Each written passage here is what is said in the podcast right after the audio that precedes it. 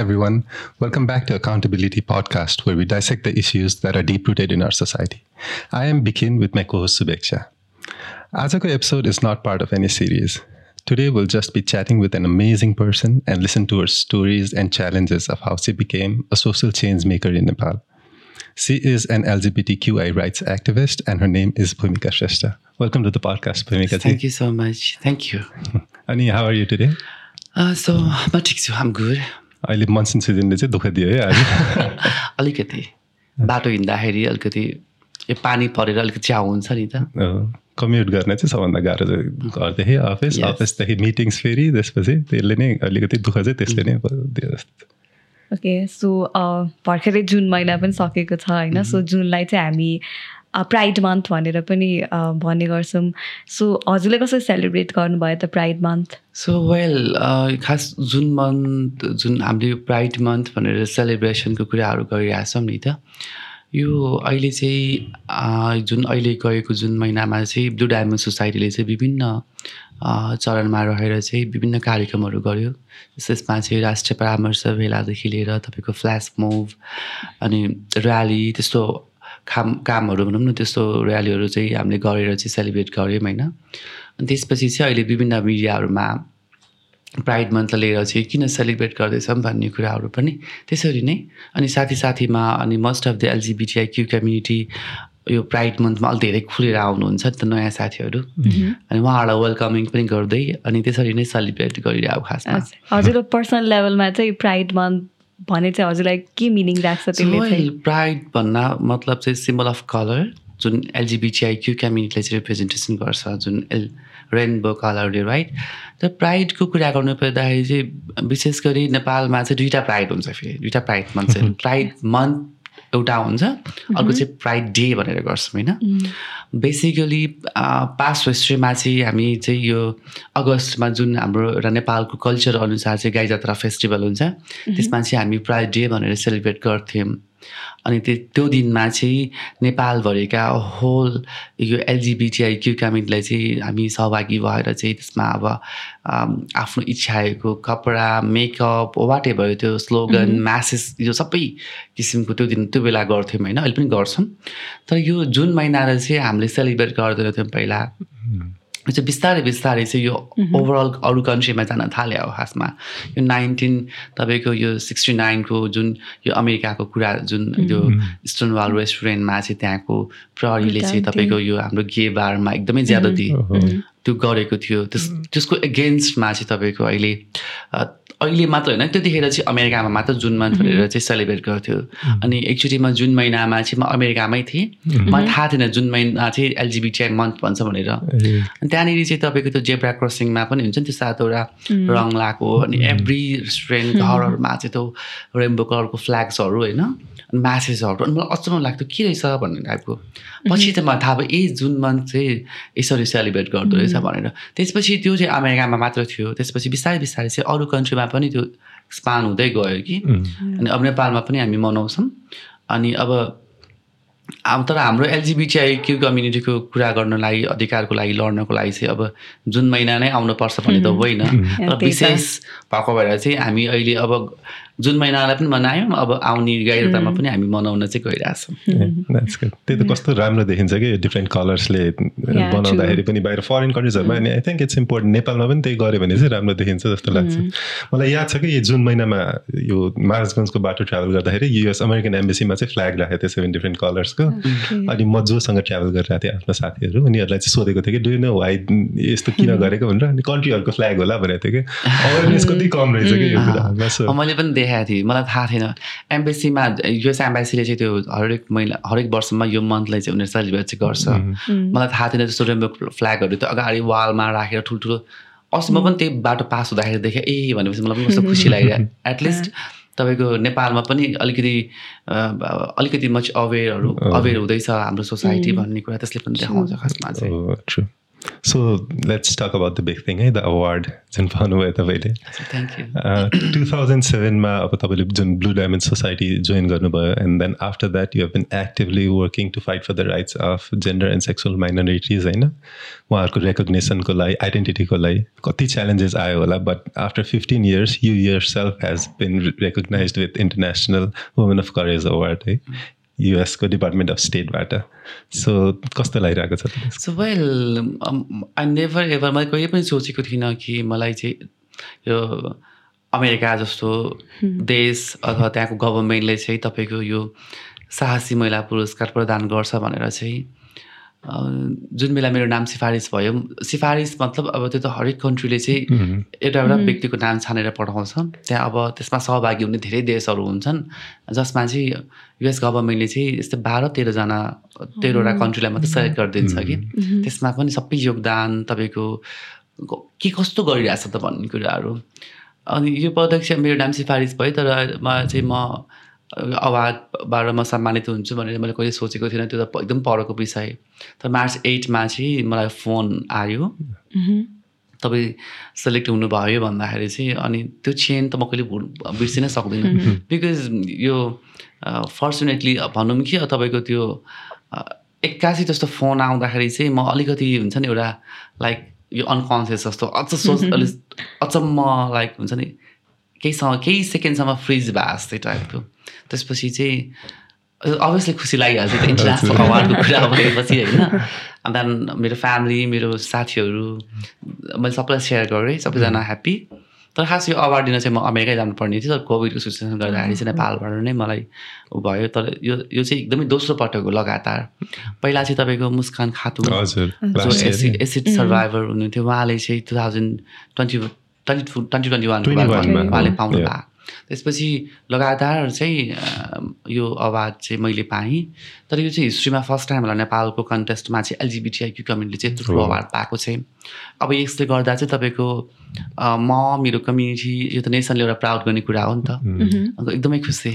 अहिलेसम्म त्यो अब त्यो त अहिले कति जुन अहिले जुलाई लागिसक्यो। त अझ पनि त्यो कुराहरू चाहिँ आइरहेको छ बेला बेलामा काहीँ गयो भने यो कुराहरू चाहिँ एकदमै गर्वको विषय। Congratulations and you totally deserve it अघि हजुरले चाहिँ नि मैले डिजर्भ गर्दिनँ भने पनि we think you totally deserve this अनि अल्सो इन्टरनेसनल सँगसँगै हजुरले राष्ट्रपतिबाट पनि सम्मान पाउनु भएको थियो यो वर्ष। त्यसको लागि पनि कङ्ग्रेचुलेसन्स अनि त्यो पाउँदाखेरि चाहिँ कस्तो फिल भयो त?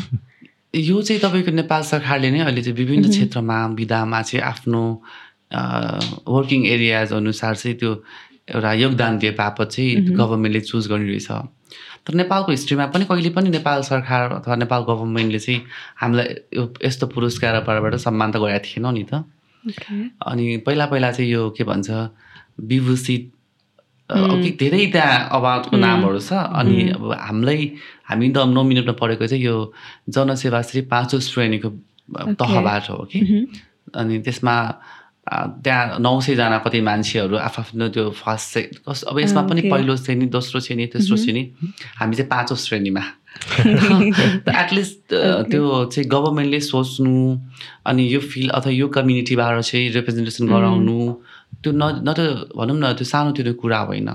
त्यसबाट पनि त जसरी इन्टरनेसनल प्लेटफर्ममा जस्तो अन्तर्राष्ट्रिय पुरस्कार पाइराख्दाखेरि पनि एउटा नेसन वाइज तपाईँको हाम्रो ने नेपालको राष्ट्रपतिज्यूको हातबाट त्यो सम्मान ग्रहण गर्नु पाउँदा त्यसको पनि छुट्टै मजा कि? एकदमै रमाइलो कहिले नसोचेको कुरा त्यो पनि दुइटा यो एयर चाहिँ त्यसरी भयो मेरो आई थिङ्क नेपाल गभर्मेन्टको लागि पनि यो one step at a time पनि हुनसक्छ नि त। पहिला पहिला अब नदेखेको समुदायलाई पनि अब जसरी उहाँहरूले भन्छ नि आफै देख्न खोजिराख्नु भएको छ अगाडि एउटा गभर्मेन्टले एउटा एउटा प्रोत्साहन पनि हौसला पनि हो।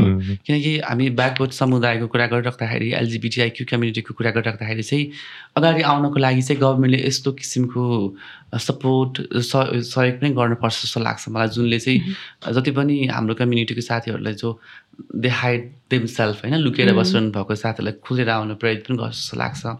किनकि अब नेपाली नागरिक भइसकेपछि त नेपालबाट पाउनुपर्ने अधिकारको कुरा त हामी गरिरहेको हुन्छौँ त्यो पाउनु परि नै हाल्छ।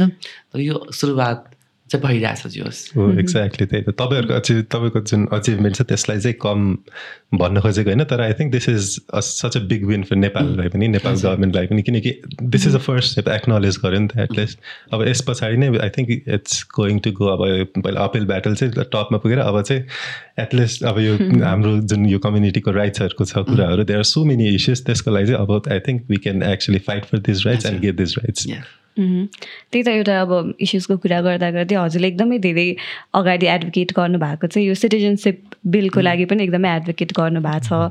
र नेपालमा चाहिँ पोलिसी लेभलमा भन्यो भने चाहिँ पोलिसी ड्राफ्टिङमा चाहिँ छ होइन त्यो खालको राइट्सहरू प्रोभाइड गरिएको छ। तर पनि कतै न कतै दिने इम्प्लिमेन्टेसनमा चाहिँ अझै पनि राम्रोसँग नपाइएको भन्ने कुराहरू हजुरले नै इन्टरभ्यूहरूमा पनि मेन्सन गर्नुभएको छ जस्तो लिन जाँदाखेरि सिटिजनसिप क्लेम गर्दाखेरि चाहिँ मेडिकल रेकर्ड्सहरू लिएर आऊ भन्ने कुराहरू।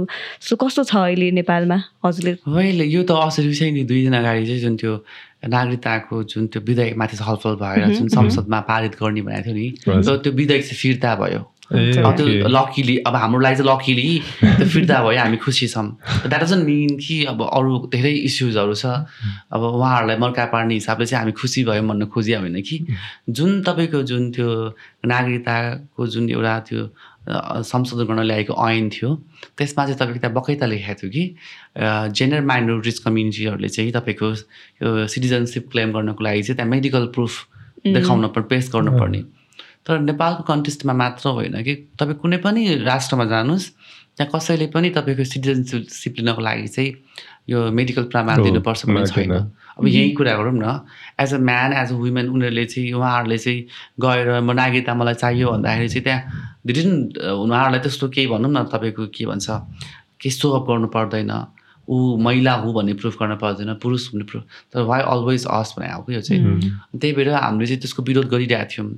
अनि तपाईँको नागरिकतामा चाहिँ के छ भन्दाखेरि तपाईँको महिला पुरुष र अदर्स लिन पाउने भनेर छ। तर त्यो अदर्स अदर्स लिनको लागि पनि तपाईँको विभिन्न यो जिल्ला प्रशासन प्रमुख हुनुहुन्छ अधिकृतहरू उहाँहरूले नै यो बाधा अडचन गरिरहनु भएको छ कि? अनि अर्को कुरा चाहिँ तपाईँको नेपालमा जुन जुन यो नागरिकताको विषयमा जुन छलफल भयो बहस भयो अनि यो मेडिकल प्रमाणको कुरा गरियो होइन? त्यो त एउटा संशोधन गर्न ल्याएको जुन एउटा छलफल एउटा विषय थियो भनौँ न। तर हाम्रो नेपालको के के छ भन्दाखेरि नीति र कानुन चाहिँ बनेको छैन तर प्र्याक्टिसमा चाहिँ भइसकेको छ भने। जस्तै तपाईँको केही केही ट्रान्स कम्युनिटी साथीहरू चाहिँ उहाँहरूले आफ्नो मेडिकल प्रुफ जस्तै अब यो सेक्स रियासन माइन्ड सर्जरी भन्छ त्यो सर्जरीको सर्टिफिकेट देखाइसकेपछि उहाँहरूले नागरिकता लिएको अनि तपाईँको के छ भन्दाखेरि प्र्याक्टिस अगाडि हुन्छ त्यसको नियम नीति कानुन चाहिँ केही आइसके आउँदैन। अनि अर्को कुरा तपाईँको यो सेक्सन्सको प्रोसेस जुन छ त्यो इट्स सो एक्सपेन्सिभ महँगो पनि छ। अनि सबैजनाले त्यो एफोर्ड गर्न सक्नुहुन्न। अनि अर्को कुरा चाहिँ तपाईँको त्यो कसैलाई हेल्थ प्रब्लम हुनसक्छ थाइरोइड ब्लड सुगर धेरै किसिमको हुनसक्छ नि। त्यो कन्डिसनले गर्दा उनीहरूको शरीरले साथ दिँदैन। अनि अर्को कुरा नेपालमा तपाईँको त्यस्तो प्राइभेट हस्पिटल भनौँ गभर्मेन्ट हस्पिटलमा यो सेक्सन गर्ने त्यस्तो ऊ छैन नि त। डक्टर्स हुनुहुन्न। त्यस्तो क्लिनिकहरू छैन जसले चाहिँ एउटा उचित परामर्श दियोस् हर्मोन अथवा यो विषयमा। अनि त्यो छैन तर नेपाल गभर्मेन्ट गभर्मेन्ट नभनौँ जुन त्यो नागरिकताको विधेयकमाथि छलफल भएको जुन समिति थियो नि त्यो समितिमा चाहिँ तपाईँको त्यहाँ अब भएको मान्य प्रतिनिधि सभाको सदस्यज्यूहरूको त्यहाँ सबैको आफआफ्नो एउटा मत हुन्छ। अनि केही केही म केही केही मान्यज्यूहरूले चाहिँ विरोध जनाउनु भयो। अनि अब हुन हो त्यही लैलैमा लागेर हो क्या खासमा चाहिँ। अनि मलाई के लाग्छ भन्दाखेरि चाहिँ यो नागरिकताको विषयलाई चाहिँ ठुलो इस्यु बनाउनु पर्ने त थिएन। अझ पनि हामीले सोच्नु चाहिँ के पर्छ भन्दाखेरि चाहिँ अझ पनि एलजिबिटिआई क्यु कम्युनिटीको विषयमा अझ अवेरनेस गराउन हुनु एकदमै धेरै बाँकी छ भनेर चाहिँ तपाईँको प्रतिनिधि सभामा टोटल मान्ने सदस्यज्यू हुनुहुन्छ मान्ने सदस्यज्यूहरू त्यहाँको हन्ड्रेडमा नाइन्टी पर्सेन्टजनालाई पनि यो इस्युमा राम्रोसँग ज्ञान ज्ञान छैन। भनेपछि चाहिँ चुनौती चाहिँ बल्ल सुरु भएको जस्तो लाग्छ मलाई चाहिँ। च्यालेन्जेस चाहिँ। अझ झन् तपाईँको हाम्रो यो सेन्ट्रल लेभल प्रोभिन्स लेभल अनि लोकल लेभलमा झन् तिन तहमा काम गर्दा त हामी झन् स्टार्टमा स्टार्टिङदेखि गरे जस्तो कि। पहिला पाँच विकास क्षेत्र हुँदाखेरि चाहिँ एउटै गभर्मेन्टले सबैलाई अर्डर हुन्थ्यो नि आदेश। अब अहिले त इट्स डिपेन्ड तपाईँको स्थानीय सरकारको आफ्नै निर्णय प्रदेश सरकारको आफ्नै तरिकाले अनि केन्द्र सरकारको। अनि अब यहाँ हामीले एउटा किसिमले लबी गऱ्यो अनि यो सबै ठाउँमा पठाउनु तपाईँ प्रदेशमा गएर गर्नुहोस्। प्रदेशमा गयो तपाईँले केन्द्रदेखि आउनुपर्छ भन्नुहुन्छ स्थानीयमा गयो त केन्द्रदेखि आउने कुरा हामीसँग त्यो हाम्रो अलिकति त्यो मिक्स मार्क्स कि तपाईँको त्यो अल्झाउने एउटा त्यो बाहना जस्तो लाग्छ मलाई चाहिँ त्यो हो त्यही त प्रोसेसमा प्रब्लम भन्दा पनि मलाई पनि त्यही तपाईँले ठ्याक्कै भन्नु बाहना जस्तै नै लाग्छ त्यही इन्टेन्सन नै नभएपछि त अब त्यो अनि यसमा त्यही च्यालेन्जेस छ भन्नु तपाईँको यसको आफ्नो पर्सनल एक्सपिरियन्स पनि छ होइन वेल मैले त तिनवटा नागरिकता अहिलेसम्म मैले लिएको पनि तिनवटा नागरिकता सो पहिला मेरो चाहिँ पुरुषको नागरिकता थियो जुन बेला चाहिँ तपाईँको नागरिकताको जुन एउटा नियम एउटा नीति कानुन थियो त्यसमा चाहिँ महिला कि पुरुषले मात्र क्लेम गर्न पाउने। तर अब हामी यो जेन्डर माइनोरिटिज कम्युनिटीहरू छ कम्युनिटीहरूले चाहिँ यो जेन्डर आइडेन्टिटीको आधारमा नै यो धेरै किसिमको डिस्क्रिमिनेसन तपाईँको विभेदहरू भोग्या हो नि त। सरी अनि अर्को चाहिँ के थियो भन्दाखेरि चाहिँ अ, बाटो हिँड्दा तपाईँको बाटो हिँड्दा मात्र होइन। एज अ तपाईँको एउटा स्वघोषित एउटा अनुभूति एउटा लैङ्गिक प्रस्तुतिकरण लैङ्गिक पहिचानको कारणले चाहिँ अब हाम्रो म र हाम्रो समुदायले त्यो विभेद भोग्ने हो। अनि अब सिटिजनसिप कार्ड बनाउँदाखेरि त्यस्तो नियम थिएन अनि अब मैले चाहिँ जबरजस्ती केटा बनेर नागरिकता निकालेँ। अनि अब त्यो मलाई एकदमै इम्पोर्टेन्स थियो त्यतिखेर मलाई नागरिकता चाहिन्थ्यो। तर मैले सिफारिस गर्दाखेरि चाहिँ म भूमिका श्रेष्ठ अनि मलाई चाहिँ यो ट्रान्सजेन्डर कम्युनिटीबाट बिलङ गर्ने भएको त्यो अनुसारको मलाई आइडेन्टिटी कार्ड चाहियो भने तर त्यतिखेर त्यस्तो नियम थिएन। अनि अब उहाँहरूले मलाई अप्सन दिनुभयो। लिने भए पुरुषमै लिनुहोस् न त अप्सन छैन भनेपछि मैले पुरुषमै लिएँ। देन म म त्यस्तै थिएँ मेरो जेन्डर आइडेन्टिटी देन मैले कपालहरू ऱ्याप गरेर ढाको टोपी लाएर फोटो खिचेर एज एज अ म्यान जस्तो। मैले लिएँ। एक हिसाबले चाहिँ तपाईँको ओहो म मैले बल्ल मेरो नेपाली हुनु अथवा के भन्छ त्यो? नागरिकता पाएँ भनेर चाहिँ। त्यसपछि भोलिपल्टदेखि चाहिँ अलिकति मोर डिस्क्रिमिनेसन चाहिँ के भन्दाखेरि मैले अब मेरो नागरिकता छ ल चेक गर्नु भन्दाखेरि मान्छेहरू ट्रस्ट नगर्ने। बिकज मेरो आइडेन्टिटी मेरो जेन्डरको हिसाबमा म यो भइहालेँ भनेपछि नागरिकता मिल्दैन भनेपछि त्यो एकदमै धेरै डिस्क्रिमिनेसन त्यसको आधारमा मैले पासपोर्ट पनि बनाएँ। पासपोर्टमा पनि मेल अनि इन्टरनेसनल कहीँ ट्राभल गर्नु पऱ्यो भने पनि एयरपोर्टमा पनि सेक्युरिटी चेकिङमा एकदमै धेरै डिस्क्रिमिनेसन अनि सेक्सुअल अब्युज हुन्छ नि यो कहिले काहीँ यो हामीलाई यो नियमसा पनि हुने गर्छ पनि- फिमेलको लाइनहरू मात्र हुन्छ मेल र फेरि। फिमेलको मात्र लाइन अनि कहिले मेलको पासपोर्ट हेरेर भने मेलकोमा पठाउँछ अनि बडी हेऱ्यो भने फिमेलकोमा त्यसले गर्दा चाहिँ कति मान्छे सेक्युरिटी चेकमा पनि हामीलाई अलिकति हिंसा चाहिँ हुने गर्थ्यो। अनि त्यो धेरै ठुलो इस्युज भइसकेपछि हामीले त्यो हाम्रो आफ्नो अधिकारको लागि चाहिँ लडे हो खासमा चाहिँ मेन त एउटा तपाईँको जेन्डर रिकग्नेसनको कुरा त हो। त्यसपछि अरू त आउँदै गर्छ आउँछ भने अब सुरुमै आफ्नो जेन्डर आइडेन्टिटीको आधारमा नै हामीले भोग्ने विभेदहरू नै एउटा सकारात्मक ढङ्गले लिएको छैन भने त अरू पछि सेकेन्डरी कुराहरू जोडिँदा आउँदाखेरि त त्यही ताल हो नि त होइन? त्यो भयो। त्यसपछि एकदमै लामो एडभोकेसी गरिसकेपछि टु थाउजन्ड सेभेन त त्यतिखेर त सुप्रिम कोर्टले चाहिँ नेपाल सरकारलाई आदेश दिए हो। हजुर। त त्योभन्दा अगाडि चाहिँ चारवटा सङ्घ संस्था मिलेर चाहिँ तपाईँको मितिनी नेपाल अनि क्रुजेस नेपाल तपाईँको परिचय समाज र ब्लु डायमन्ड सोसाइटी चारवटा संस्था मिलेर चाहिँ तपाईँको नेपाल सरकारकोलाई विपक्ष बनाएर चाहिँ मुद्दा हामीले दायर गरे हो। अनि त्यसको केही वर्षपछि चाहिँ तपाईँको यो two thousand seven twenty first डिसेम्बरमा चाहिँ नेपाल सरकारले चाहिँ नेपाल सरकारलाई आदेश दियो। यो जेनरल माइनोरिटिज कम्युनिटीलाई चाहिँ तपाईँको आफ्नै पहिचान अनुसारको नागरिकता उपलब्ध गराउनु। अनि अब विभेदकारी कानुनको मतलब चाहिँ तपाईँको महिला र पुरुषको लागि त कानुन छ तर हाम्रो लागि चाहिँ छैन तर हाम्रो लागि त विभेदकारी भयो नि त। अनि सम्पूर्ण विभेदकारी कानुनलाई खारिज गरी सम्मान कानुनको संरचना गर्नु जसमा चाहिँ एलजिबिटिआई क्यु कम्युनिटी होस् भनेर। त्यसपछि अब अहिले चाहिँ हामी म्यारेज इक्वालिटीको कुरा गर्छौँ त्यतिखेर सम- समलिङ्गी विवाह भन्ने थियो कि। सेम सेक्स म्यारेज आज कसरी चाहिँ अब कानुनी एउटा वैधानिकताका साथ अगाडि लान सकिन्छ भनेर चाहिँ त्यो टिम गठन गरेको थियो। त्यो आदेशले चाहिँ अलिकति परिवर्तन चाहिँ भयो। तर स्टिल त्यतिखेर चाहिँ के भन्दाखेरि भन्दाखेरि गभर्मेन्ट एकदमै कन्फ्युज एकदम मौन के साइलेन्ट अब आदेश दियो अब कसरी कदम अगाडि बढाउने त्यो थाहा नै छैन। अनि two thousand seven eight nine एकैचोटि टु थाउजन्ड थर्टिनमा आइसकेपछि चाहिँ यो अदर्स भनेर चाहिँ नागरिकता इस्यु गर्न सुरु गर्यो होइन? तर तपाईँ विडम्बना के भन्दाखेरि चाहिँ त्यो त्यतिखेर पनि जो चाहिँ भर्खरै नयाँ फर्स्ट टाइम नागरिकता लिन लगाएको हुन्छ उनीहरूलाई चाहिँ अदर्सको नाममा नागरिकता आफ्नै इच्छाएको नाम त्यसरी लिन पाउने। तर हाम्रो अलरेडी भएको जसको मेल पास मेल सिटिजनसिप थियो कसैको फिमेल थियो त्यो चेन्ज गरेर अदर्स क्लेम गर्न चाहिँ एकदमै धेरै समस्या। त्यसमा पनि बहस। त्यसपछि मैले टु थाउजन्ड फिफ्टिनमा आएर क्लेम गरेँ त्यो लिएँ। अर्को सेकेन्डचोटि निवेदन थिएँ अनि त्यतिखेर चाहिँ मैले त्यहाँको प्रमुख सिडिओ प्रमुखले चाहिँ के भन्नुभयो भने चाहिँ तपाईँको फोटो म यही राखिदिन्छु पहिला त मेरो ढाका टोपी लगाएको थियो नि त अब अहिले यही यही जेन्डर आइडेन्टिटी अनुसार फोटो के फोटो राखिदिन्छु अनि नाम चाहिँ परिवर्तन गर्न सक्दिनँ किनकि हाम्रो नियममा छैन भन्नुभयो. अनि कुनै अप्सन नभएपछि चाहिँ मैले हुन्छ भनेर मैले नाम चाहिँ पहिलाकै मेरो फ्यामिलीले दिएको नाम त्यसपछि अनि फोटो चाहिँ यही अहिलेको जस्तै अनि त्यसपछि जेन्डरमा चाहिँ अदर्स सेक्सको कोलोमा चाहिँ अदर्स त्यो लिए त्यसपछि यो नेपालको सन्दर्भमा त यो पहिलो एकदम ठुलो ऐतिहासिक निर्णय थियो नि त। अदर्सको कुरा भयो त्यसपछि पासपोर्ट पनि अदर्समा दिने भनेर चाहिँ। अनि म चाहिँ पहिलो व्यक्ति हो जो अदर पासपोर्टमा चाहिँ मैले ट्राभल गराएँ क्या अरू कन्ट्रीमा चाहिँ। अनि फर्स्ट टाइम म ट्राभल गराएँ दिल्ली अनि म ताइवानको भिजा लाउन जानु पर्ने अनि दिल्लीमा मलाई कति मिनटसम्म रोकायो कि। अनि नेपालको कन्टेस्टमा चाहिँ के छ भन्दाखेरि मेरो त्यो मिसनेबल त्यो मिसिनबाट रिड चाहिँ गर्ने। सेक्स सेक्सको कोलममा चाहिँ मेल र फिमेल मात्रै देखाउने अदर्स नदेखाउनु रहेछ फेरि त्यो समस्या। अनि इन्डियामा चाहिँ मलाई अलिक दस पन्ध्र मिनट वेट गरायो अनि किन भनेको चाहिँ उहाँ चाहिँ फेरि टी भनेर दिँदो रहेछ कि। यो हामी अदर्समा आए जस्तै टी। अनि त्यसले गर्दा अलिकति ऊ अनि अहिले एक डेढ वर्ष भयो फेरि मैले अप्लाई गरेँ कि अब मलाई चाहिँ मेरो भूमिकै श्रेष्ठको नामबाट नागिता दिनुहोस्। मलाई यो मेरो नाम र मेरो जेन्डर आइडेन्टिटी म्याच हुँदैन भनेर भनेको थिएँ। त्यसपछि म मेरो चाहिँ नागरिकता अहिले मन्त्री परिषदले निर्णय गरेर नै भूमिका भनेर पठाइरहेको छ अहिले चाहिँ। तिनवटा नागरिकता। त्यो चाहिँ अब त्यो चाहिँ मलाई चाहिँ अब यो स्ट्रगल पनि हो। अनि अर्को कुरा चाहिँ तपाईँको यो एउटा के भन्छ एउटा सङ्घर्ष साथसाथै हाम्रो यो एउटा आफ्नो जीवन जीवनी पनि त हो। हामीले के चाहेको त्यो भन्ने कुराहरू। त मलाई कतिपय ठाउँमा मैले च्यालेन्जेस च्यालेन्जहरू फेस पनि गरेँ। अनि त्यसको ओभरकम गर्नको लागि सोल्युसन के भन्दै पनि खोज्दै पनि गयो होइन।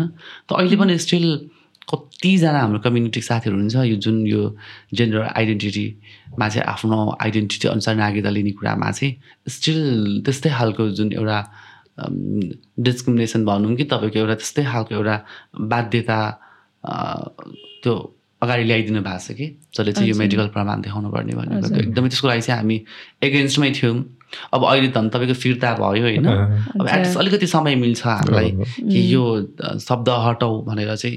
त्यसको लागि अब हामीले अहिले विभिन्न पोलिटिकल पार्टी लिडरहरूसँग तपाईँको यो पार्लियामेन्ट मेम्बरहरूसँग हामी एकदमै त्यो टचमा रहेर चाहिँ कसरी अवेर गर्ने उहाँहरूलाई भनेर चाहिँ गरिसकिरहेछौँ त्यही त अब जस्तो नागरिकता भन्ने बित्तिकै त एउटा रेकग्नेसनको एउटा आइडेन्टिटीको कुरा भइहाल्यो। तर त्यहाँबाट पनि नागरिकता नपाउँदाखेरि अरू चाहे जसरी नपाउँदाखेरि कति ढोकाहरू बन्द हुन्छ नि त। जस्तो रिसेन्टली अहिले रुखसाना कपालीले पनि कुरा गर्नुभएको थियो जसरी टियुमा चाहिँ पहिला उहाँलाई त्यो ऊ गर्नलाई नै कस्तो अप्ठ्यारो भइरहेको थियो एडमिसन गर्नको लागि नै कस्तो अप्ठ्यारो भइरहेको थियो नि। रिसेन्टली पनि उहाँले केही कुराहरू गरिराख्नु भएको थियो। सो त्यही त त्यहाँबाट नै कति अपर्च्युनिटिजहरू क्लोज हुन्छ नि त उहाँहरूको लागि। तपाईँको हाम्रो ट्रान्स कम्युनिटीहरू चाहिँ अब हामी एलजिबिटिआइक्यू भन्दाखेरि चाहिँ ट्रान्सजेन्डरको चाहिँ अलिकति जेन्डर आइडेन्टिटीको कुराहरू अनि जेन्डर माइनोरिटीको कुरा भयो होइन। अब लेजबेन गे बाइसेक्सुअल चाहिँ त्यो चाहिँ एउटा सेक्सुअल ओरिएन्टेसन अथवा सेक्सुअल माइनोरिटिजको कुरा भयो। अनि तपाईँको अब इन्टरसेक्स भनेको तपाईँको यो सेक्स क्यारेक्टर्सको कुराहरू आउँछ। अब देखिँदाखेरि चाहिँ तपाईँको भिजिबिलिटी चाहिँ जुन अहिले हामी मलाई जुन देखिरहनु भएको छ त्यो त्यो चाहिँ एउटा भिजिबिलिटी मतलब तपाईँको एउटा ट्रान्स कम्युनिटी देखिने एउटा ऊ भयो नि त। त्यसले गर्दा चाहिँ हामीले धेरै कुराहरू चाहिँ भोग्न बाध्य हुन्छ। जस्तो रुक्सनाले उसले इक्जाम दिनबाट एकदमै त्यसलाई कुर्नु पऱ्यो उसको पहिलाको नाम अथवा सेक्स कोलममा पहिला अर्कै थियो अहिले त्यसले गर्दा एकदम विवाद ल्यायो नि त। भनेपछि यो सानो सानो कुराबाट वञ्चित हुन परेको छ। अब अहिले त रुक्सानाको ले चाहिँ बरु एटलिस्ट उसले प्लस टू गरेर अब कलेज जाने अब इक्जाम दिने भयो नि त। तर कति त स्कुलबाट नै निस्किनु पर्छ। कलेज जानु त के स्कुलमा पढ्दा पढ्दै निस्किनु पर्ने अवस्था चाहिँ हुन्छ हुन्थ्यो पहिला चाहिँ। अहिले पनि हुनसक्छ। पहिला हामीलाई गाह्रो थियो अनि हामीले त्यो अनुसारको एडभोकेसी गर्दै गयौँ। अहिलेको अलिकति नयाँ जेनेरेसन अलिकति इजी छ। एटलिस्ट ए केही भयो भने हाम्रो संस्था छ हाम्रो कम्युनिटी छ हाम्रो युनिटी छ भन्ने हुन्छ नि त। पहिला पहिला हाम्रो सिनहरू त्यो पनि छैन। आफै भागेर लुकेर हिँड्नुपर्ने अवस्था। थियो भने चाहिँ सोसाइटी बिस्तारै बिस्तारै परिवर्तन चाहिँ हुँदैछ।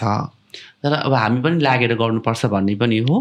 तर यस्तो केसमा चाहिँ अलिकति गभर्मेन्टले इनिसिएसन लिएर अलिकति एउटा के भन्छ त्यसलाई प्रायोरिटाइज गरिदिएर अलिकति इजी वेमा चाहिँ त्यो सोल्युसन त्यो हाम्रो कुरालाई अलिकति इजी वेमा लगेर चाहिँ त्यो कार्यान्वयन गरिदिएको भए चाहिँ अलिक छिटो अथवा राम्रो हुन्छ भन्ने चाहिँ कुरा हो खासमा चाहिँ। हो त्यही त अब यस्तो चेन्जेसहरू ल्याउनलाई त्यही गभर्मेन्टको त एस्पेक्ट भइहाल्छ तर यो यो इस्युहरूलाई यो चेन्जेसहरू पोलिटिकल कुराहरू यो चेन्जेस ल्याउन चाहिँ पोलिटिसियन्सहरूको पनि एकदम ठुलो नै हात हुन्छ जस्तो लाग्यो मलाई। अनि लोकल इलेक्सन्स भर्खर पास पनि भयो अनि यो लोकल इलेक्सन्समा चाहिँ अब पहिला ट्वेन्टी सेभेन्टिनमा भन्दा योपालि केही डिफ्रेन्ट एक्सपिरियन्स गर्नुभयो कि भएन जस्तै पोलिटिकल पार्टिजहरू आएर तपाईँलाई कम्युनिटी रेकगनाइज गरेर अब तिनीहरूको त कति हुन्छ नि त यस्तो गर्छु म यो कम्युनिटीलाई यस्तो गर्छु यति कमिटमेन्ट्सहरू हुन्छ। त्यसको लागि चाहिँ जुन एलजिबिटिआइक्यू प्लस कम्युनिटीको लागि चाहिँ कुनै पोलिटिकल पार्टिजले एड्रेस गर्ने त्यस्तो भएर कि त्यस्तो चेन्जेसहरू देखियो त यो अल द टाइम जब यो इलेक्सनको पालामा हुन्छ आउँदाखेरि चाहिँ ड्युरिङ द इलेक्सन त्योभन्दा अगाडि चाहिँ अब विभिन्न राजनीतिक पार्टी दलहरूले चाहिँ उहाँहरूले आफ्नो घोषणापत्र अवधारणा पत्र बनाउने अनि त्यसमा चाहिँ तपाईँको ब्याकवर्ड कम्युनिटी भने जस्तै तपाईँको हरेक अनि त्यसमा हाम्रो कुरा नै आउँछ यौनी तथा लैङ्गिक अल्पसङ्ख्यकको पहिचानको लागि हामी केही गर्ने बोल्ने नागरिकता होइन शिक्षा स्वास्थ्य। तर अनि अझ कतिजना प्रत्यक्षको नि उहाँहरूको आफ्नै ऊ हुन्छ। कार्य त्यो के भन्छ त्यसलाई त्यो घोषणा पत्र? म यो गर्छु। जस्तै अब काठमाडौँको क्यान्डिडेटको जस्तै अब काठमाडौँको हकमा मेयर उपमेयरहरूको होला विभिन्न वडामा हुन्छ होला उहाँहरू क्यान्डिडेट हुँदाखेरि म यो गर्छु त्यो गर्छु।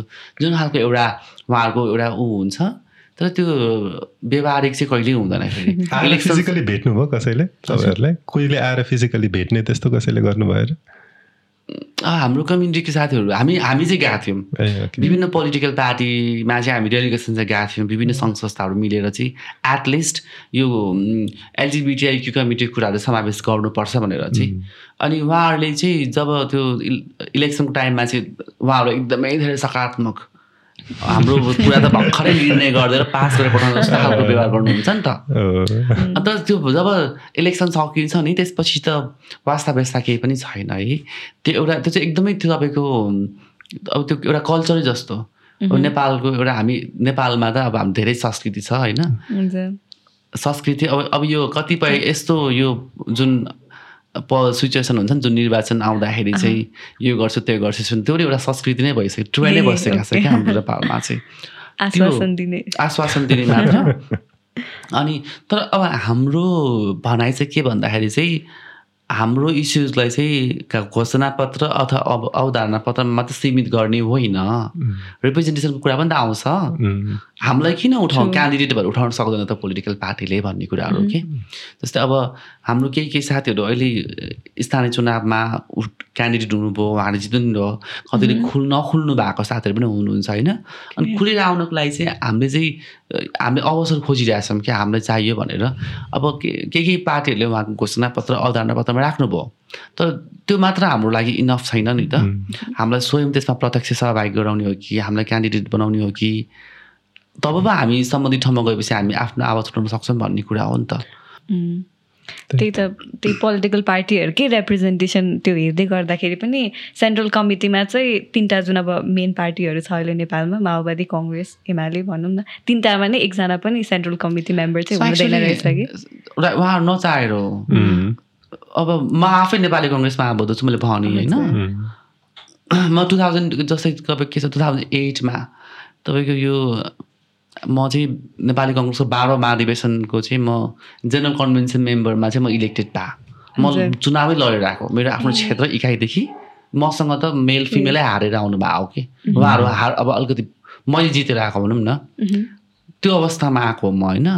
जब यो पर्पसनेटेड क्यान्डिडेटको कुरा आयो अनि हुन त अब त्यो अब सिस्टमलाई दोष दिन्छु म त। पार्टी र नेतालाई पनि दिन्न। त्यो सिस्टम बनाउने फेरि उहाँहरू नै हो है। कसलाई के भन्नु? मेरो नाम सिफारिस भयो बन्द सूचीमा पठाउनु भयो उहाँहरूले मलाई चाहिँ ल तपाईँ बधाई छ भूमिकाजी तपाईँको नाम चाहिँ बन्द सूचीमा गयो। अब नागरिकता लिएर आउनुहोस् समथिङ लाइक भन्नुभयो। जब म नागरिकता लिएर पुगेँ मान्छेहरू टुवा किन भन्दाखेरि चाहिँ तपाईँको नागरिक निर्वाचनको जुन एउटा प्रक्रिया छ यो समानुपातिकमा त्यसमा पनि तपाईँको कि महिला कि पुरुष। दुइटा मात्र ऊ के? त्यो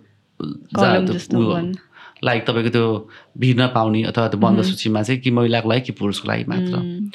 अनि अब मेरो भूमिका श्रेष्ठ भनेर महिलाकोबाट गएछ। तर मेरो नागरिकता पुरुषको। अनि त्यहाँ फेरि प्रब्लम अनि यदि यो पोलिटिकल भनेको चाहिँ यस्तो एउटा के छ भने गर्न सक्यो भने तपाईँले बुझ्न सक्ने भयो भने तपाईँलाई फाइदा। नसक्यो भने मान्छे डिप्रेसनमा जान्छन् हाँस्नु अनि कसरी मिलाउने त? अनि मलाई मेरो पोलिटिकल पार्टीको लिडरसँग कति मेरो बहस छलफलमा भेटघाट?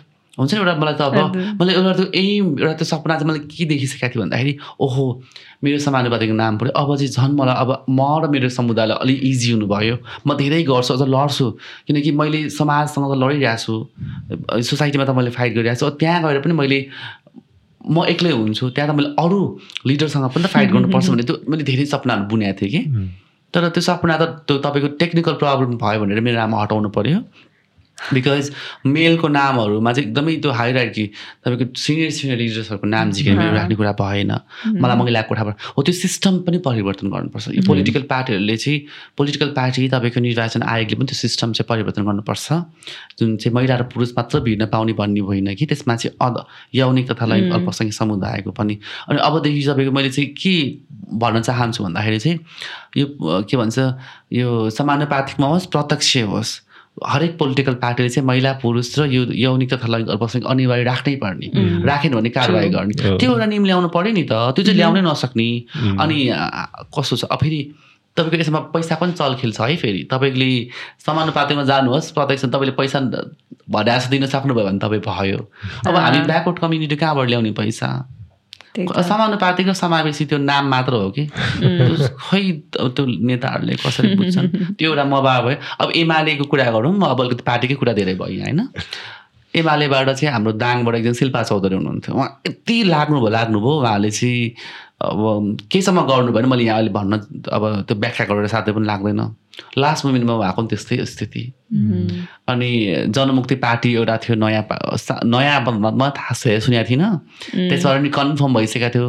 भोट पनि आयो। हाम्रो समानुपातिकमा थियो अब कसैको नपरेपछि जनमुक्ति पार्टीले चाहिँ एकजना साथीले उठाएको थियो रूपन्देही जिल्लाबाट। हामी नेपालभरिकोले चाहिँ समानुपातिकमा हाल्यौँ। त कहिले भोट नआउने पार्टीको दुइटा भोट आयो। होइन? तर विडम्बना चाहिँ आफ्नो आफ्नो मान्छे लगे। हेर्नुहोस् त। युज एन्ड थ्रो भने जस्तो कि। अब तपाईँको त तराईतिर त चुनावमा त हाम्रो साथीहरूलाई नचाएर इन्टरटेनमेन्टमै बढी लगाएर खै के भन्नु? यस्तै छ विडम्बना त्यही त यो पोलिटिकल पार्टिज अब यो एउटा दुइटा स्पेसिफाई गर्नुभन्दा पनि सबैमा त्यही नै हो। अनि मलाई लाग्ने यसमा प्रब्लम चाहिँ कस्तो भने पछाडि यो इलेक्सन्सहरू चाहिँ यो राम्रो कसरी बनाउने डेभलप कसरी गर्ने भन्दा नि भोट कसरी ल्याउने भन्ने पर्सेप्सनबाट हेर्छ जस्तो लाग्छ कि पोलिटिकल पार्टिजहरू नेपालको चाहिँ। अनि ने पोलिटिकल पार्टिजहरूको पोलिटिकल लिडर्सहरूको चाहिँ अब यो जुन इन्क्लुसिभली अब क्यान्डिडेन्सी नदिने रिजन चाहिँ मलाई कस्तो लाग्छ भनेपछि उहाँहरूको चाहिँ अजम्सन के छ भने पछाडि पब्लिकबाट भोट आउँदैन होला भनेर चाहिँ नदिएको हो कि जस्तो लाग्छ। त्यही भएर चाहिँ अब सोसाइटी पनि बुझ्न पर्ने हो कि हामीले। सोसाइटीको पर्सेप्सन के छ अहिले? त्यो पनि बुझेर लाइक अब तपाईँले आफ्नै स्टोरी सुनाउँदा पनि वेन युर चाइल्ड होइन स्टोरी हेलर्स भन्दाखेरि पनि हरासमेन्ट कति हरासमेन्ट फेस गरेर आउनु परेको थियो। बट त्यो भनेको पहिलाको पास्टकै हो। अहिलेको सोसाइटी चाहिँ कस्तो छ? अहिलेको सोसाइटीको पर्सेप्सन चाहिँ कस्तो देख्नु भएको छ तपाईँले? अब यसो छ अहिले चाहिँ के छ भन्दाखेरि तपाईँको अलिकति तपाईँको केही हिसाबमा चाहिँ अलिक सकारात्मक छ। पहिला पहिला तपाईँको मैले जुन भने स्ट्रगल गरेका कुराहरू मैले धेरै ठाउँमा भनिरहेको छु। पहिला बाटो हिँड्दाखेरि चाहिँ मलाई एकदमै डराउनु पर्थ्यो। मलाई मात्र होइन कि हाम्रो कम्युनिटीलाई पनि त्यस्तै खालको एउटा महसुस हुन्थ्यो होइन। अब अहिले तपाईँको पहिला पहिला महिला र पुरुष अथवा तपाईँको छोरा र छोरीको मात्र कुराहरू आइरहेको थियो भन्दाखेरि चाहिँ अब एटलिस्ट अहिले चाहिँ तपाईँको सोसाइटीमा चाहिँ यो मेल र फिमेल मात्र होइन कि अदर जेन्डर अथवा एलजिबिजिआइक्यू कम्युनिटी छ है भन्ने खालको एउटा त्यो कन्सेप्ट चाहिँ भइसकेको छ कि तर विडम्बना के भनौँ न? हाम्रो समाजको एउटा कन्सेप्ट माइन्ड सेट चाहिँ के छ भन्दाखेरि जन्मिँदाखेरि पनि छोरा र छोरी मात्र हुन्छन् देखिँदाखेरि पनि महिला र पुरुष मात्र हुन्छन्। त्यही कुरा सिकाउँदै आएको त अब स्वयं मेरो घरमा म म जन्मिँदा यहाँसम्म आउँदा मेरो परिवारले चाहिँ कसले सोचेको थियो म म ट्रान्स कम्युनिटीबाट बिलङ गर्छु? अथवा त्यो समुदायभित्र पर्छ थाहा नै थिएन नि त। मलाई पनि त्यही सिकायो नि त सानोमा म छोरा जन्मी मलाई केटीको जस्तो भाँडाकुटी खेल्न मन लाग्थ्यो। मलाई फुटबल ल्याइदिन्थेँ त्यो गा खेलाउन सानो सानो जो केटाले त्यो जिप कारहरू जस्तो ल्याइदिन्थ्यो। तर मलाई त पुतले खेल्न मन लाग्थ्यो नि त। तर बाउ आमाले त्यस्तै सिकाइदिन्छ। त्यस्तो सिकाइदिनुहुन्छ। अनि बाउ आमा सिकाउने पनि हाम्रो हजुरबा हजुरबा पनि त्यही नै उहाँ नै हो।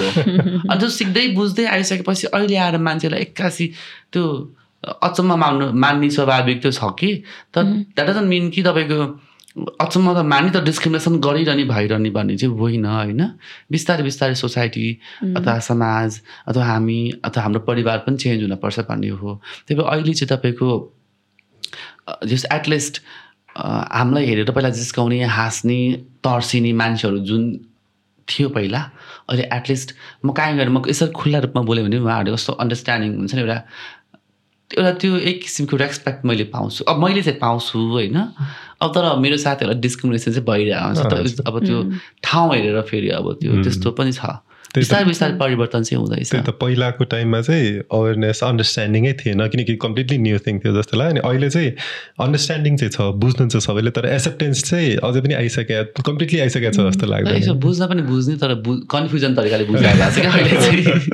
अहिले चाहिँ। मलाई के पनि लाग्छ भने जस्तो यो प्राइड परेडहरू यस्तोमा जुन मास देखिन्छ नि त्यो देख्दाखेरि चाहिँ धेरै मान्छेहरू यसमा बिलिभ गर्नुहुन्छ होइन इक्वालिटीमा जेन्डर इन्क्लुजनमा अनि पिपल रियली अहिले चाहिँ लाइक त्यो छ यङ पिपलहरूमा चाहिँ स्पेसली होइन? तर अलिकति ओल्डर जेनेरेसनमा नि अवेरनेस एक्सेप्टेन्स नभयो भने अलिकति डर चाहिँ हुन्छ नि। केही भनिहाल्यो भने फेरि त्यो एउटा डर चाहिँ बिकज अब लले गरेर हुनसक्छ अरूको अवेरनेस बढेकोले हुनसक्छ मान्छेहरूमा। त्यो डर चाहिँ कता कता समाजमा सोसा सोसाइटी तपाईँ अब सोसल्ली तपाईँको फ्यामिलीको कुरा गर्दाखेरि चाहिँ हामीलाई सुरुदेखि एउटा एउटा के एउटा बााउन्ड्रीमा राखिदिएको छ क्या? हामीलाई एउटा बक्सभित्र राखिदिएको छ। जस्तै अब कसैले केही भन्ला कि मैले गर्दा उसलाई चित्त दुख्ला कि अथवा मेरो कुराले उसलाई असर पर्ला कि भनेर त्यो त्यो त्यो सोचेर बस्नुपर्छ हामी होइन? खुल्ला रूपमा म के चाहन्छु? हाम्रो परिवार कस्तो छ? हाम्रो सोसाइटी जन्मिन पाएको छैन त्यो बच्चा केही जन्म मतलब छैन उसको जिन्दगीको निर्धारण गरिसकेका हुन्छ। म मेरो छोरालाई यो बनाउँछु मेरो छोरालाई यो बनाउँछु। बिचरा त्यो छोराछोरी पछि गएर उनीहरूलाई कुन सब्जेक्टमा पढ्ने इन्ट्रेस्ट छ कहाँ जाने रहर छ त्यो सबै इच्छा चाहना मारेर बस्नुपर्ने अवस्था पनि आउँछ। थियो पनि छ पनि होला। अब त्यो सोसाइटी छ हेर्नु न। अनि त्यसपछि तपाईँ के छ भन्दाखेरि तपाईँको सबै कुरा भनिदिइसकेका हुन्छ गरिसकेका हुन्छ अनि लास्टमा आएर यस्तो परिवार पनि हुनुहुन्छ जो जसले चाहिँ पहिला चाहिँ एकदमै घरबाट निकालिदिने छिछि दूर दूर गर्ने जबरजस्ती त्यो एउटा दिमाग र मनको कुरालाई परिवर्तन गर्न औषधिहरू खुवाउने जुन हाम्रो कम्युनिटीको विवाह गरिदिने त्यस्तो केसहरू होइन? अब अनि अहिले त के भन्नुहुन्छ भन्दाखेरि वी रियली सपोर्ट बिकज तिमी हाम्रो सन्तान हो हामी सपोर्ट गर्छौँ। त तिमी नेपाल नभएछ तिमी अब्रोड जाऊ। बाहिर गएर खुलिने खुल जेसी गर तर यहाँ नखुल ल। त्यो सपोर्ट भन्ने कि एगेन्स्ट भन्ने त्यस्तोलाई त्यस्तो छ कि? अनि कति अलाइजहरू हुनुहुन्छ? हामीलाई देखेर वी रियली सपोर्ट यु हामी त तपाईँहरूको अलायन्स हो नि त हामी कति कमी हामी त के एकैबद्धता छ। सोलिडारिटी देखाउनुहुन्छ नि।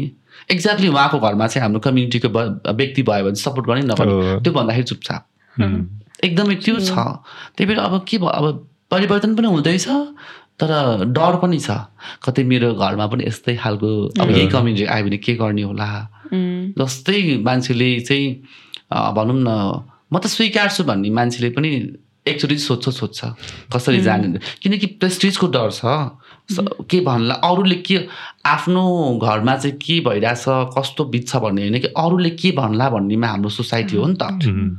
तर म त मेरो फ्यामिली म मेरो फ्यामिली होइन जो पनि हाम्रो समुदायहरू जो घरमा हुनुहुन्छ जो फ्यामिली म त उहाँलाई मान्छु रेस्पेक्ट गर्छु। यत्रो आँट साहस त तिबाट आएको हो नि त। त्यही त हामीले पहिला उहाँसँग गफ गर्दाखेरि पनि एकजना हाम्रो गेस्टसँग जेन्डरको कुरा गर्दाखेरि उहाँले पनि भन्नुभएको थियो कि सबभन्दा फर्स्ट स्टेप र सबभन्दा मोस्ट डिफिकल्ट स्टेप फ्यामिलीलाई नै चेन्ज गराउनु हो भनेर यो कुरामा फ्यामिलीलाई एक्सेप्ट गराउनु हो भनेर। आई थिङ्क त्यही नै हो जस्तो लाग्छ यसमा पनि।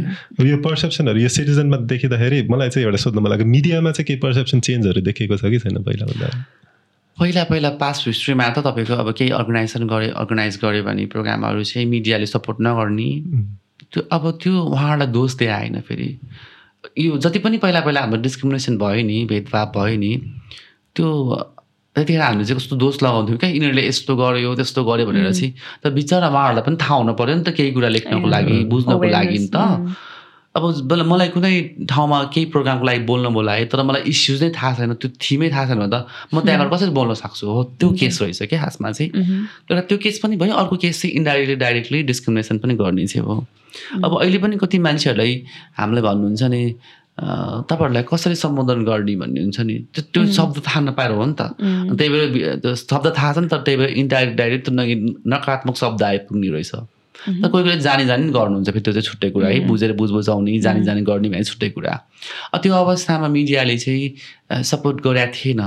अनि एक दुईचोटि एक दुईजना मिडियाहरू सहभागी हुनुहुन्थ्यो अनि उहाँहरूले छाप्दा पनि त्यस्तै एउटा त्यो जुन अहिले हामीलाई त्यो नकारात्मक शब्द प्रयोग गरिन्छ त्यस्तो शब्द प्रयोग गरेर यस्तोको सम्मेलन रहेछ आज भन्ने खालको कुराहरू।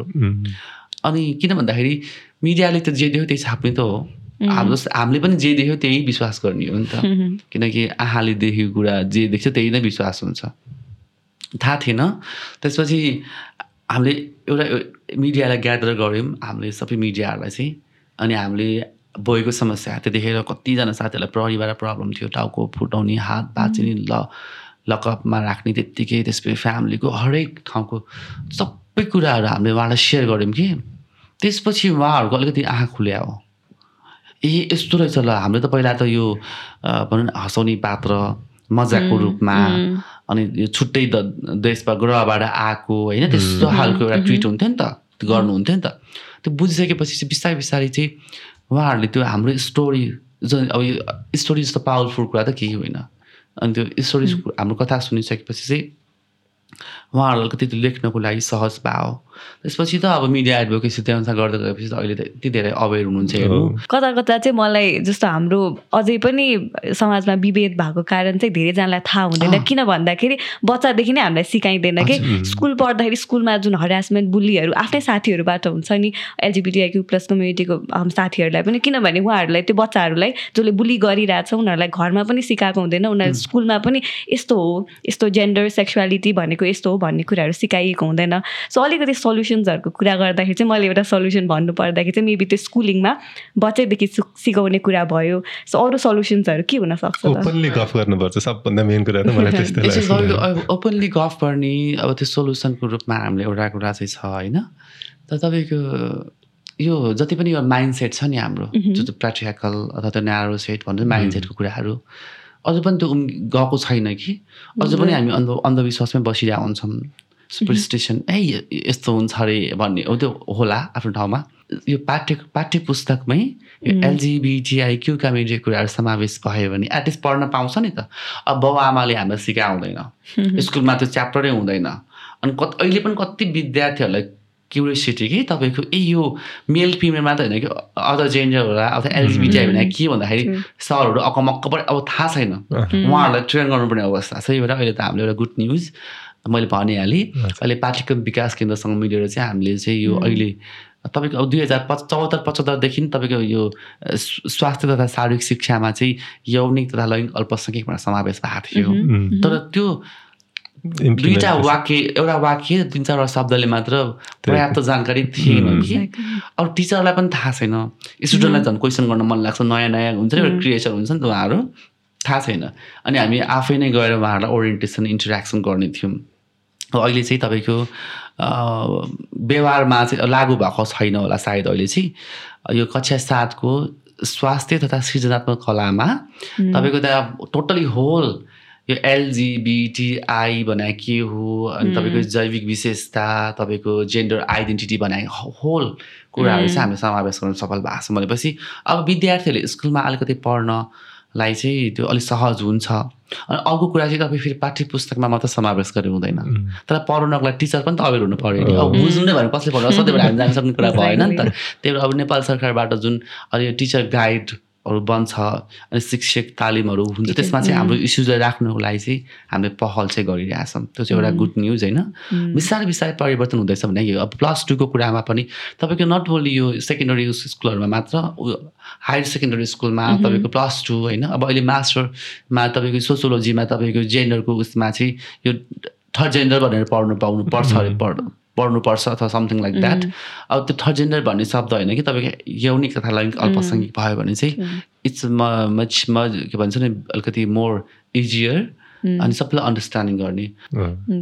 त्यही त हो एज यु सेड यसको लागि अवेरनेस पनि एकदम इम्पोर्टेन्ट छ एन्ड यो चेन्ज पनि देखिएको छ कज हजुर सानो हुँदाखेरि र अहिलेसम्म जुन चेन्ज देख्यो we can expect the same kind of change फ्युचरमा पनि भनेर। त्यसलाई त्यही अब अवेरनेस चाहियो and then as you said solidarity पनि चाहिनेछ अब हामीले भर्खर प्राइड मन्थ सेलिब्रेट त गऱ्यो बट आई थिङ्क अब जुनलाई मात्र नभएर every month is pride month भनेर नि सोलिडारिटी देखाउनुपर्छ जस्तो लाग्यो। If you stick together if you talk about this issues openly fight for these rights openly त्यो गरियो भने चाहिँ अझै पनि पोजिटिभ चेन्ज हामीले कम्युनिटीमा ल्याउन सक्छौँ अल्सो होलिस्टिक हुनुपर्छ लाइक अवेरनेस छ अवेरनेस सँगसँगै जुन एक्सेप्टेन्सको कुरा अल्सो लिगल चेन्जेसहरू हुनुपर्छ इन्स्टिट्युसनल लेभलमा हुने चेन्जेसहरू सबैतिरबाट होलिस्टिक वेमा भयो भने चाहिँ I think we can reach होइन हामीले जहाँ पुग्न खोजिरहेको छ त्यहाँ चाहिँ पुग्न सक्छौँ होला त्यही त. Thank you so much I think आज एकदमै रमाइलो डिस्कसन भयो.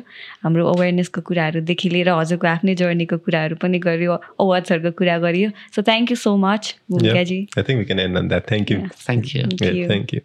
And that's going If you liked our conversation today, like hit the like button below. If you have any recommendations for us on what topic we can discuss on in the future or whom we can invite, please leave them in the comment section below. We'll be back with more interesting stories, more interesting persons in the future. So stay tuned. Until then, we'll see you. Bye bye. Bye.